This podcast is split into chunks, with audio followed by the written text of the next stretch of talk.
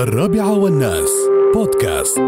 ومستمعينا ومشاهدينا الكرام وضمن مبادرة آه، من الشرطة إلى المجتمع من آه، القيادة العامة لشرطة عجمان. معنا الملازم أول راشد بن حمدان النعيمي آه، في الحديث حول التعامل مع الخدم. حياك الله ملازم أول. الله يحييك أخوي خالد. أول شيء حاب أشكر إذاعة الرابعة على إتاحة الفرصة لتوصيل صوتنا للمجتمع. وأصبح على الإخوة المستمعين والمشاهدين.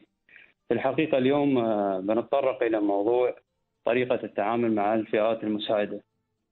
في البداية يجب أن نعرف من هم الفئات المساعدة وما دورهم في المجتمع وكيف يأثرون ويتأثرون فيما بينهم سواء كان في المنازل أو المكاتب التي تستقطب هذه الفئات.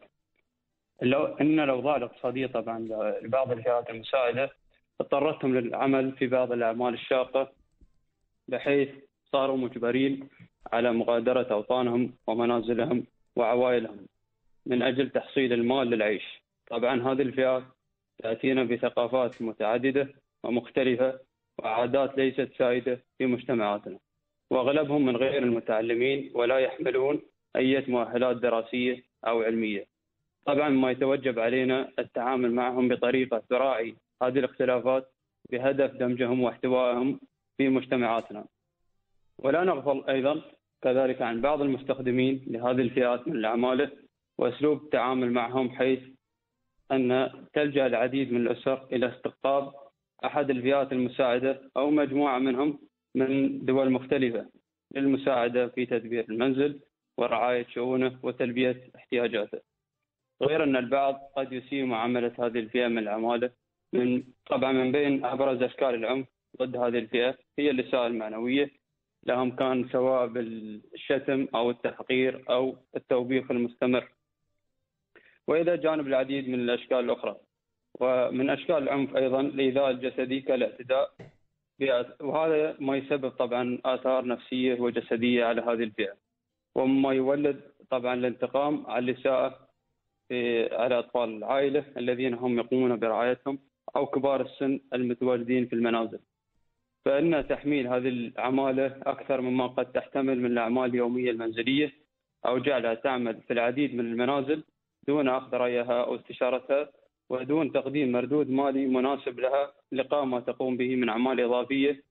هذا طبعا من أبرز أنواع الإساءة التي قد لا يلقي لها الكثيرون بالا كما أن تأخير دفع الراتب الشهري هو أيضا نوع من أنواع الإساءة. طبعا هناك عندنا طريقتين في التعامل في من بين العوائل التي تستقطب هذه الفئات والفئات المساعدة لهم. اولا التعامل بالحسنى وهو التعامل الذي قد يكون بين أفراد المنزل والفئات المساعدة بطريقة حضارية من حيث توفير بيئة عمل آمنة لهم وطعام جيد وملبس جيد وأعطاهم وقت مخصص للراحة وشرح كيفية قيامهم بالأعمال قبل البدء بها وإعادتها مرة وتكرارا.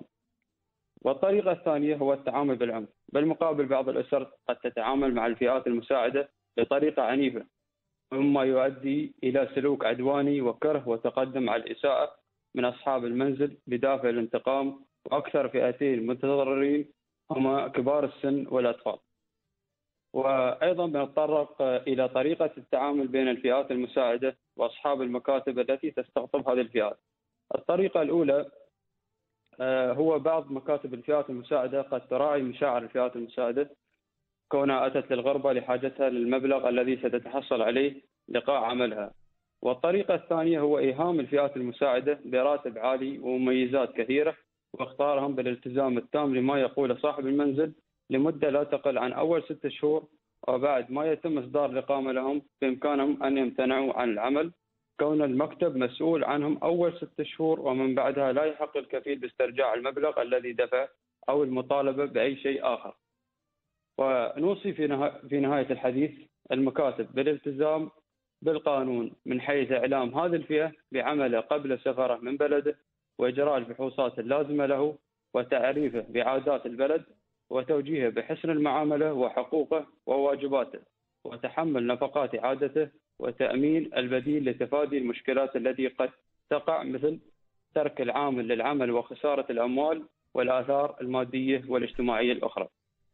طبعا أشكر مرة أخرى جميع المستمعين والمشاهدين وأخص بالشكر أخوي خالد وإذاعة الرابعة على حسن الاستضافة الله يطول بعمرك مشكور يا طويل العمر وجزاك الله خير نعم. على هالكلمات طال عمرك. الله يحفظك مشكورين. مشكورين الله يحفظك مشكور. أخوي خالد. الله يحفظك. مرحبا حياك الله الله يحفظك كان معنا الملازم أول آه، راشد بن حمدان النعيمي من القيادة العامة لشرطة عجمان وحديثه كان عن الفئة المساعدة المنزلية وهذه من ضمن مبادرة آه، القيادة العامة لشرطة عجمان برسائل توعوية من الشرطة إلى المجتمع عبر الرابعة والناس كل خميس. الرابعة والناس بودكاست